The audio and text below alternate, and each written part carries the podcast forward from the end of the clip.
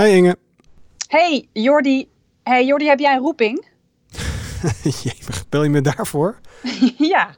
En wat is jouw roeping? Heeft het universum jou op aarde gezet voor een, uh, voor, met een achterliggend doel? Hey, wat zit jij ineens filosofisch te doen? Gaat het wel goed met je thuis? Ja, ja het gaat heel goed.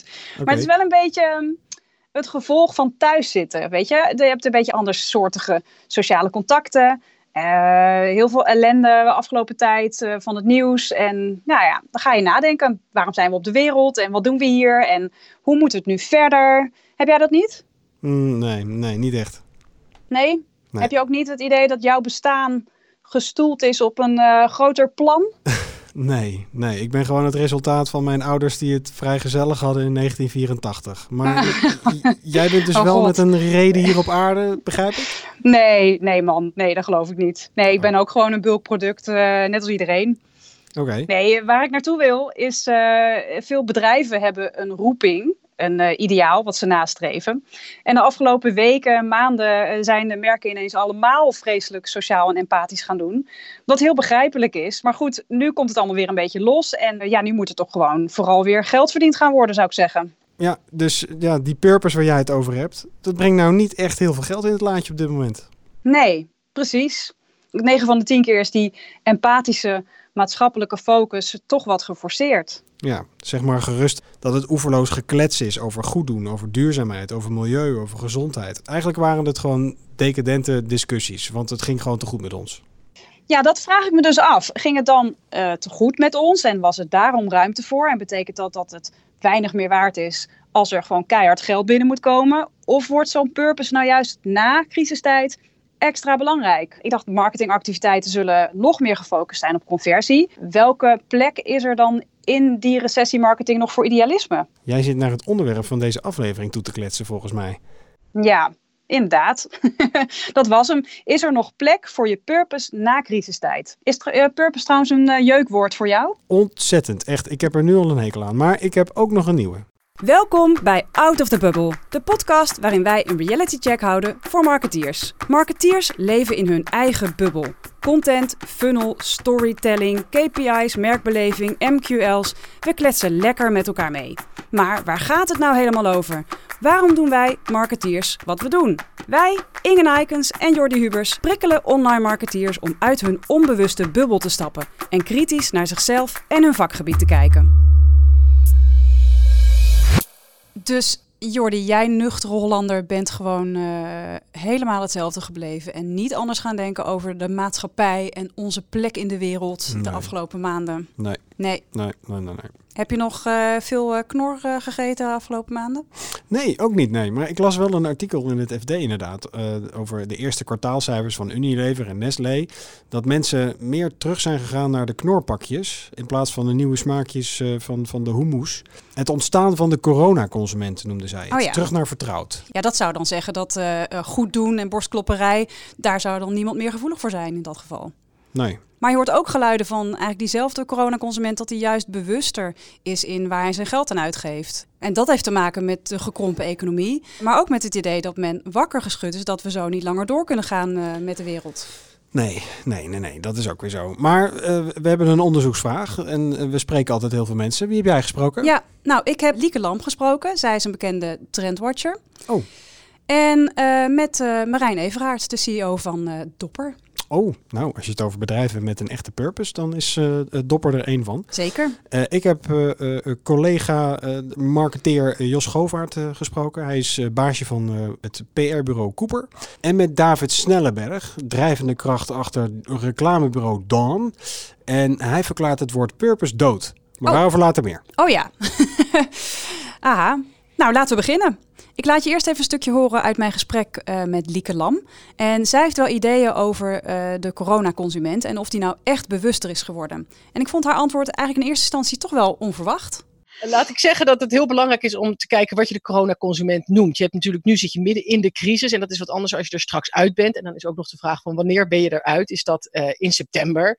Is dat als je een vaccin hebt? Is dat als we weer helemaal terug zijn uh, bij normaal? En wat is dat normaal? Dus die coronaconsument, dat is wel uh, nou, apart iets om aan te duiden. Momenteel zie je dat mensen, zeker in het begin van die crisis, heel erg ja, bang waren. Hè? Het konijntje met de ogen in de koplampen, het hamsteren wat we deden, het zorgen dat je dingen binnen hebt. Dus dat je dan magieblokjes koopt in plaats van uh, verse humus. Dat vind ik niet zo heel erg vreemd. Want dat is gewoon makkelijker houdbaar als je straks vijf weken ineens opgesloten in quarantaine zou komen te zitten. Uh, en dat is een heel ander verhaal dan wat er in september gebeurt. En als je kijkt naar de landen om ons heen, dan zie je dat er al heel snel toch weer opgestart wordt naar dat oude normaal. En dat dat toch wel het punt is van iedereen. Hè. We hebben natuurlijk uh, grotere namen dan mijzelf horen zeggen dat er een reset gaat komen. En dat we het allemaal heel anders uh, gaan doen straks. En hè, die anderhalve meter maatschappij misschien wel. Of veel meer bewustwording.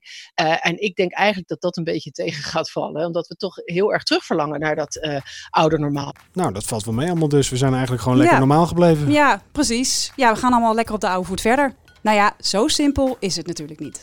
Uh, wel met een kanttekening dat er een enorme uh, crisisconsument aankomt in de zin van een armoedeval. We zien natuurlijk nu als een domino-spel al die stenen omvallen, waar in het begin nog een beetje de ondernemers vreemd werden aangekeken van nou heb je dan helemaal geen buffer of had je dan wel een gezond bedrijfsmodel. zie je langzamerhand dat iedere branche aan de beurt komt en ook als brave werknemer je niet 100% veilig zit. Hè. Eigenlijk de laatste groep die het allerveiligst zit, dat heb ik dan bij WNL verkondigd, is eigenlijk degene die voor de overheid werd. Hè? Maar voor de rest komen alle branches aan de beurt en zie je straks dus een enorme uh, klap op die economie, wat wel uh, een gevolg heeft voor ons koopgedrag. Hè? Je krijgt straks in september wij spreken een koperstaking. Mensen gaan sparen voor een vakantie of voor een, uh, voor een groot iets en gaan wel op de kleintjes letten voor de andere uitgaven. Die coronaconsument heeft dus meer te maken met de crisis die daaruit is voortgekomen dan met het feit dat het virus rondwaarde. Ja, dat is het vooral ja. Maar dat wil natuurlijk niet zeggen dat het virus de consument helemaal koud laat. Straks nuanceert Lieke dit verhaal nog iets verder. En waar staat het geliefde thema duurzaamheid dan eigenlijk in dit verhaal? Eerst even naar ons eigen vakgebied. Jos Govaert duurzaamheid is van, is van oudsher een uh, onderwerp dat heel goed doet als het goed gaat. En uh, als het slecht gaat, is het uh, in het verleden altijd geweest dat het een van de eerste onderwerpen was die, uh, die sneuvelde.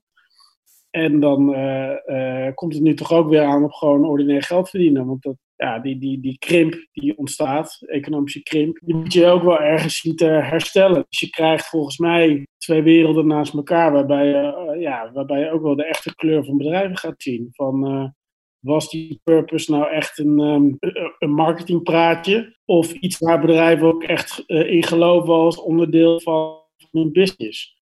En ik denk dat zich de echte keuzes wel, uh, wel zullen gaan aftekenen. Ik denk dat je dat binnen een paar maanden wel ziet. Hij zegt het dus ook. We gaan weer ordinair geld verdienen dus. Ja, ja en, en een, een, een mooi duurzaamheidsverhaal is met de komst van de crisis wel gesneuveld. Mm-hmm. Althans, voor degenen die het niet echt meenden. Ik vraag me ook af of de consument nog wel zit te wachten op duurzaamheid. Jos vertelde daar namelijk ook nog iets moois over. Komt-ie een mooie term uh, in dit, dit geval is bipolar uh, consciousness. En wat zoveel zegt als dat mensen zeggen dat ze uh, van merken allerlei duurzame dingen verwachten. Maar komt het ook overeen met datgene wat ze zelf doen en wat ze afnemen van zo'n zo merk. Ik herinner me een, test van Tesco, die Britse supermarkt, die aan een klant vroeg, ja, wat wil je dat wij doen? Nou, dat was het antwoord, ja, dit moet biologisch, het moet duurzaam, van alles nog wat. Maar zij hadden ook een soort van bonuskaartensysteem. Dan lazen ze gewoon ja, aan de ene kant de vraag, uh, antwoorden van de, op de vraag van klanten uit. En aan de andere kant gewoon keiharde data met, oké, wat is dan het gedrag van mensen? En dan zie je echt een gigantisch verschil. Mensen zeggen wel dat ze zo super duurzaam en biologisch willen doen. Maar dat is niet wat er in, uh, in het winkelbandje uh, verdwijnt uiteindelijk. Die, die groep is oneindig veel kleiner dan zij die zeggen belangrijk te vinden. Nou, frappant. De consument gedraagt zich dus anders dan hij zou willen. Ja, ja die roepen dus heel hard dat ze biologisch willen of duurzaamheid. Uh, maar als je naar een boodschappenbonnetje kijkt, zie je daar niets van terug. Nee. En, en, wat ook frappant is, mensen kopen een tweedehands en biologisch katoenen outfit, of noem iets verantwoords, om vervolgens lekker bij de Mac te gaan lunchen. Ja, ja, dat is uh, nou niet herkenbaar voor mij, maar... Uh, ja, voor mij wel. Voor jou wel? Ja, kwartepannetje, lekker. Ja, nou, ja, mensen zijn zich dus niet echt, nou, mensen zijn zich dus niet echt bewust van hun gedrag, hè? Nee. Moeten we de duurzaamheidscredo's dan maar helemaal uit het raam kieperen? Reclameman David Snelleberg zegt dat er echt nog wel ruimte voor is. Als je het cynisch bekijkt, dan uh, zeg je van de consument is de baas. Zij bepalen wat wij produceren. Ik geloof daar niet helemaal in, want het is ook een aanbod gedreven. Als je het wat hoopgevender bekijkt, dan zie je dat uh, overheden op dit moment uh, niet de meest stevige partijen zijn om te gaan over regulering, verduurzaming, inclusiviteit. En als je ziet wat er bij bedrijven gebeurt op dit moment, dan zie je een heel ander verhaal. Je ziet in bestuurskamers, dus niet bij marketingafdelingen, maar in bestuurskamers, zitten ook gewoon mensen. Die mensen hebben ook gewoon kinderen. Die kinderen stellen ze lastige vragen. Wat ben jij aan het doen, mama of papa? Wat doe jij voor de wereld? Dus die mensen die beginnen zo langzamerhand andere beslissingen te nemen. Een paar jaar geleden was uh, maatschappelijk verantwoord ondernemen een afdeling. En tegenwoordig is het een businessmodel. Als ik zie wat voor uh, bedrijven bij ons langskomen. Van hele groene, hè, zoals Triodos Greenpeace. Dat zijn natuurlijk bedrijven of organisaties die zijn in extenso bezig met wat jullie noemen een purpose. Bij, kijk, bij die bedrijven komt de toenemende vraag te liggen van, ja, wat doen wij nou behalve aandeelhouderswaarde vergroten een businessmodel dus, in plaats van ouderwets maatschappelijk verantwoord ondernemen. Daar gaan bedrijven naartoe. Dat zien we natuurlijk al bij heel veel bedrijven. Dopper, die jij hebt gesproken, Tony mm Chocoloni, Patagonia, Vegetarische Slager, Mud Jeans. Ja. Heb jij een uh, favoriet? Ja, de oranje tonies. De oranje, de oranje tonies. Ja, die is, is lekker. dat uh, karamel zeezout? Ik heb geen idee, maar die is gewoon lekker. Ja. Ik pak altijd het blind oranje. Maar er zit dus wel een bepaalde gevoeligheid voor duurzaamheid in de maatschappij. En daar kan Lieke David alleen maar gelijk in geven. Zij praat over een nieuwe beweging. Ik denk dat we daar wel naartoe gaan. Dat we in plaats van die groeieconomie, dat we daarvan wel heel duidelijk hebben geleerd van dat is niet houdbaar op de lange duur. En dat moet een balanseconomie worden. Dus je moet als bedrijf wel gezond zijn, maar wel in balans. Je hoeft niet per se te groeien. Hè. Het gaat natuurlijk niet altijd sowieso, het gaat niet om de winst, maar het gaat om de continuïteit van je bedrijf. En daarmee vaar je op de, op de golven van de maatschappij. En ik denk dus dat de maatschappij, ondanks dat we het financieel heel moeilijk gaan krijgen en economisch, dat de maatschappij toch van ons vraagt dat we omkijken naar die hele ja, environment, het milieu, uh, het maatschappelijke ook. Hè, ook van iedereen die mee mag doen en moet kunnen doen, het voor elkaar zorgen. En dat dat juist een beetje, misschien juist door zo'n crisis extra uh, op gaat komen. Natuurlijk is de eerste reactie als we straks een enorme economische crisis komen, is het zinnig om al dat geld aan milieu en aan het environment uit te geven. En de sustainable goals die we hebben. Aan de andere kant zie je echt een heel grote nieuwe beweging, vooral met name bij de jeugd, bij de nieuwe generatie, daar vallen soms ook juist wel ouderen onder, die zeggen ja, maar laten we dit nu toch alsjeblieft ook aangrijpen om dit wel vast te houden en daarmee verder te gaan en een nieuwe wereld, hè, voor zover, te bouwen. Kijk, en dat is precies wat Marijn Everaerts ook zei. Wist je trouwens dat 8 miljoen Nederlanders een dopper thuis hebben? Nee. Ik heb er uh, hier één voor me staan. Ja. heb jij er één thuis? Ja, we hebben er zelfs twee. Maar 8 miljoen Nederlanders, je zou bijna denken dat ze hun doel voorbij streven. En ze Nederland eigenlijk een beetje zijn ontgroeid. Ja, dat uh, klopt wel. Maar Marijn is het ook niet echt om de groei van de flesverkoop te doen. Dus Marijn, zijn jullie Nederland ontgroeid? Nou, misschien qua... Uh qua aantallen flessen wel, maar qua, missie totaal niet. In tien jaar zie ik een hoop veranderen, maar dan heb ik het alleen over awareness. Maar het doen van de mensheid is nog, blijft nog steeds achterwege. Sterker nog, ik uh, erger me steeds meer en meer dat je in sommige uh, supermarkten bijna alleen maar plakjes kaas kan krijgen en voorgesneden blokjes. De ananas is al. En overal, alles zit verpakt in plastic en plastic. Wordt alleen maar meer. Ja, de, de bewustwording is er, maar ik heb nog niet het idee dat de consument en degene die dat bedenkt, meewerkt aan de oplossing van het probleem. Ben jij gevoelig hiervoor, voor dit verhaal? Um, nou, uh, of het nou echt door Marijn Everaerts en zijn dopper komt, weet ik niet. Maar ik merk wel dat ik uh, minder plastic probeer te gebruiken, ja. Als ik naar de supermarkt ga en ik koop appels, dan neem ik mijn eigen netje mee. In nee. plaats van dat ik het in een zakje stop. Nee, echt? ja, dat doe ik tegenwoordig. Ja, ik voel me wel een beetje een... Uh, ja. Maar word je dan niet... Uh, kijken ze daar niet raar van op dan van die zit appels te stelen? Nee, want ik leg dat er gewoon in mijn mandje. Oh, oké. Oké, oké, oké. Het plakt alleen een beetje lastig, want je hebt wel zo'n plakkertje met een prijsje. Ja. Maar die plakker dus die blijft niet zo goed plakken op mijn netje. Ja, nou, nee, maar ik heb vroeger bij de Albert Heijn gewerkt en dan kon je ze er zo uitvissen. Eh, van die eh, stomme klanten die dan eh, drie appels in een zakje deden, het op de weegschaal legden en dan gauw nog een appel bij het uh, Oh, en dat erbij stoppen. Ja, precies. maar ja, dat kan je natuurlijk in een plastic zakje ook doen. Maar uh, mooi hè, tot op het bot gemotiveerd, uh, die Marijn, nog steeds. Ja. Zouden zij nou een voorsprong hebben ten opzichte van ouderwetse winstgedreven bedrijven? Reclameman David denkt van wel. Als je echt een missie hebt, dan hoef je namelijk uh, eigenlijk amper te adverteren, zegt hij. Kijk, ik maak wel eens onderscheid tussen positionering en positie nemen. Kijk, als jij een sterke positie hebt, zoals Patagonia of uh, Tony Chocoloni of Triodos Bank, dan heb je eigenlijk heel weinig te adverteren. Want je verhaal is zo duidelijk, het is zo onomwonden en zo helder. Ja, waarom zou je nog adverteren? En degene die moet adverteren, die moeten positioneren. Dus die moeten zich ergens in dat woud van aanbieders een positie proberen te pakken of te nemen. En daar zijn sommigen bij, ja, die maken dan de faux pas door heel hard van de daken te tetteren hoe goed ze bezig zijn. En people don't buy it anymore. Kijk, denk maar eens even als, als jij zaken wil doen met energieleverancier. Die zijn voor het oog allemaal even duurzaam. En dan heb je allerlei staatjes en staafjes waar je ze kan checken. En dan komt de ene keer die naar boven en de andere keer die. Nou, dat is voor consumenten en voor bedrijven wordt dit steeds lastiger. En hoe je er doorheen komt, ja, dat is toch gewoon proberen mensen te verleiden, een goed verhaal te hebben, uh, dicht bij jezelf te blijven. Er zijn tegenwoordig andere methodes voor, niet meer alleen maar content maken of reclame, maar ook een speech van een CEO kan daarbij toe betrekken. Of het kan zijn een, uh, een actie die je ondersteunt. Of het kan zijn dat je aan iets bijdraagt waar je denkt uh, dat het uh, noodzakelijk is. Het gaat bij het hebben van een missie dus vooral om uh, oprechtheid. Dan heb je pas echt een voorsprong. Oh ja, Marijn, heb je een voorsprong? Komen jullie oprechter over? Nou de, ja, dat hebben, hebben we sowieso. Dat hadden we al en dat hebben we nu nog steeds. Ik voel dat we daar meer uit zouden kunnen halen in de toekomst dan dat we nu doen. En dan wel als we het hebben over impact. Dus dat mensen het ook begrijpen waarom we dit doen. En niet dat ze dan nog meer flessen gaan kopen, maar dat ze minder single-use plastic gaan gebruiken. Want dat is het doel. Dat alle andere bedrijven die chocola maken denken, oh, laten we eens een keer eerlijke prijs uh, gaan betalen. Want de consument wil dat namelijk gewoon. Dus ja, dan, ja, dan heb je een voorsprong. Maar goed, kijk, uh, wij zijn natuurlijk de aanjagers van, van de grote jongens. Hè?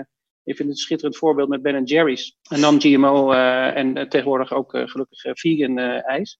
Maar dat is gekocht door, door Unilever. En dat is bewust gedaan om andere merken te inspireren. Dus zo'n heel klein jongetje komt dan kijken bij die hele grote bedrijven. En nu denkt ook, hè, we hebben nu vegan ice cream van Magnum. Nou, dat hadden ze zes jaar geleden niet bedacht, dat ze dat ooit op de markt zouden brengen. Het is een voordeel voor, voor ons, maar ik heb liever dat de grote jongens ook gaan nadenken dat het anders moet. Want dan maken we pas echt het verschil. Inspiratie voor de grote jongens, dat is een mooie missie. En voor die grote jongens geldt dat dat goed doen eigenlijk niet meer zo bijzonder moet zijn. Ik denk ook dat het iets vanzelfsprekender wordt. Hè? Vroeger was het zo van, uh, nou ja, ik produceer iets wat niet zo milieuvriendelijk is. Dan ga ik het iets milieuvriendelijker doen. Goed van mij, hè? En nu krijgen we langzamerhand iets van, ja, dat jij dat milieuvriendelijk doet, daar ga ik van uit. Dat jij geen kinderhandjes gebruikt, daar ga ik van uit. Hè? Dus dan moet je er nog een schepje bovenop doen. Of in ieder geval dat op een andere manier nog weer onder de aandacht brengen. Want je komt niet meer weg met stoer doen over dingen die wij langzamerhand als vanzelfsprekend gaan gebruiken. Dat jij geen proefdieren meer gebruikt of geen dierenleed veroorzaakt. Of allemaal dat soort zaken. Dat wordt eigenlijk langzamerhand wel vanzelfsprekend. Dan ben je echt een oud bedrijf. Als je nu nog niet bezig bent met uh, het voortbestaan van planeet Aarde dan, uh, en, en, de inclusiviteit van alle mensen, dan ben je gewoon eentje van de oude stempel en dan doe je eigenlijk in de toekomst niet mee. Ben je af. Dan ben je af. ja. ja, bewijzen dat je goed doet, dat is zo 2019. Zo passé. Mijn advies aan al die bedrijven is gewoon nog nooit het woord duurzaam te zeggen.